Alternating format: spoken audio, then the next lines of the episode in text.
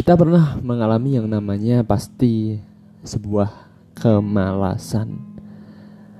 Kali ini kita akan bahas tentang pandangan Islam tentang kemalasan. Islam adalah agama yang mengajarkan semangat bekerja. Inilah sebagai bukti bahwa Islam mengajarkan umat manusia untuk senantiasa bersemangat dan tidak bermalas-malasan. Islam adalah agama yang kafah, sempurna. Dalam Islam semua persoalan hidup manusia sudah diatur dan diberikan solusi yang mengandung ajaran kebenaran bagi kehidupan seluruh umat manusia. Dan tidak pernah bertentangan dengan pertemuan dan teori penemuan manusia yang paling mutakhir. Islam sejak jauh hari ini lebih maju dan tidak pernah ketinggalan zaman dari kemajuan yang pernah dicapai umat Islam sampai kapan pun. Bagaimana Islam melihat fenomena kemalasan dalam diri manusia? Islam sejak lama memberikan rambu-rambu lampu kuning tentunya untuk masalah ini. Islam memberikan perhatian besar contohnya agar terbebas dari kemalasan, kemiskinan, kefakiran, dan lilitan hutang Islam mengajarkan sebuah doa yaitu aku berlindung kepada engkau, engkau di sini adalah Allah dari malas dan lemah. Ternyata isi doa ini bukanlah secara spesifik, spesifik agar diberi pekerjaan, rezeki melimpah, hasil yang pekerjaannya melimpah luah mungkin uang banyak ternyata tidak dari isi doa ini adalah berdoa agar terbebas dari rasa malas.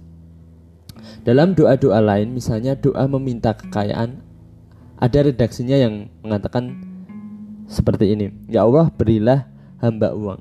Tidak ada yang demikian ya dari contoh di atas. Jadi tidak ada doa yang uh, diajarkan dalam Islam itu, "Ya Allah, berilah hamba uang." Tapi dalam hal ini Islam mengajarkan kita untuk berkonsentrasi penuh dalam wilayah sebab dengan doa intinya permohonan agar terbebas dari kemalasan. Jadi setelah kita meminta atau berdoa pada Allah tentang kita terhindar dari kemalasan dan kita ingin sesuatu, maka sesuatu itu adalah sebab yang harus kita lakukan. Benarlah pola retorika dalam ajaran Islam Pertama mengajari kita untuk membentuk pola pikir tidak instan Yaitu kita harus melewati yang namanya sebuah proses. Artinya Islam mengajarkan untuk bersabar dan mengikuti aturan yang mensyaratkan bagi keberhasilan. Jadi ketika Anda sudah berdoa Terus Anda tidak melakukan sebuah aksi atau sebab yang membuat Anda lebih maju, itu namanya bohong. Begitu sebaliknya, jika Anda terus bekerja dan Anda tidak pernah meminta pertolongan, meminta pada Tuhan yang Maha Esa, itu adalah sombong, di mana Anda hanya mempercayakan, wah semuanya effort itu dari diri saya, itu juga salah. Jadi keduanya harus kita satukan dalam satu hal, yaitu kita berdoa iya, bekerja iya. Jadi ada sebab kenapa kita bisa mendapatkan dan ada sebab lain juga yang di mana kita mempercayakan semua nanti keputusan akhirnya itu pada Allah. Berarti kita sebenarnya uh, dilarang meminta sebuah akibat. Akan tetapi secara menahan diri dituntun untuk setiti agar lebih mendahului penyempurnaan proses atau penyebab keberhasilan. Bukankah sebab akan membentuk akibat? Jika sebab baik, akibatnya juga baik dan sebaliknya. Jika proses baik, hasilnya akan baik. Dalam lebih lingkup yang lebih luas tentunya, tengok kembali dalam surat pertama dalam Al-Qur'an yaitu Al-Fatihah yang menjadi conclusion Al-Quran dalam Al-Fatihah manusia dituntun oleh Allah bukan untuk meminta kebahagiaan secara langsung atau meminta surga, tetapi redaksinya adalah ihtinas siratal mustaqim, yakni meminta agar diberikan jalan lurus dan dihindarkan dari Pertanyaannya adalah apakah jalan itu sebuah tujuan? Bukan. Jalan berarti proses yang harus dilewati untuk mengantarkan seorang ke tujuan tertentu atau tujuan yang ingin dia capai. Jadi, jalan di sini kita maknai bukan pada wilayah akibat. Jalan merupakan sebab untuk mendapatkan kebahagiaan tersebut.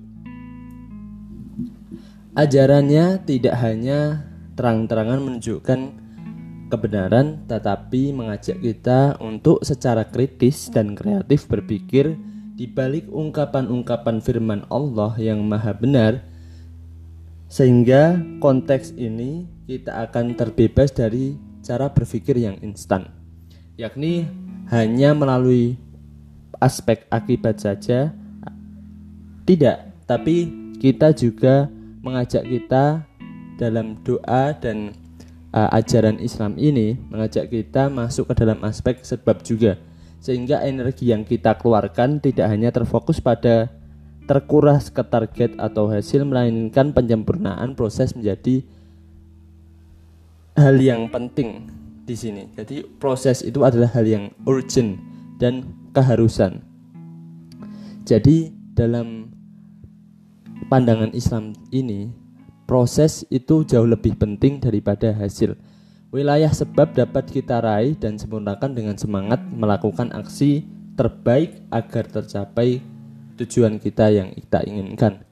Islam adalah agama yang mengajarkan semangat bekerja. Ini sebagai bukti bahwa Islam mengajarkan umat manusia semua untuk senantiasa bersemangat dan tidak bermalas-malasan. Dalam sebuah hadis dinyatakan Allah Subhanahu wa taala mencela sikap lemah tidak bersungguh-sungguh, tetapi kamu harus memiliki sikap cerdas dan cekatan. Namun, jika kamu tetap terkalahkan oleh suatu perkara, maka kamu berucap, "Cukup Allah menjadi penolongku, dan Allah sebaik-baik pelindung." Cukup kompleks ya. Jadi, Islam itu memandang sangat luas sekali bahwa kita itu harus terus bersemangat dan tidak hanya berfokus pada yang namanya hasil, proses itu kita juga harus hargai. Jadi instan itu nggak ada. Nikmatilah prosesnya karena dalam proses itu pasti ada yang namanya sebuah pelajaran. Dan dalam prosesnya kita juga melawan diri kita sendiri yang di mana kita kadang jatuh pada yang namanya malas. Semangat untuk hari Senin semoga teman-teman semua selalu diberkahi dan dimudahkan semua urusan dan acara-acaranya. Kita bertemu lagi di podcast selanjutnya.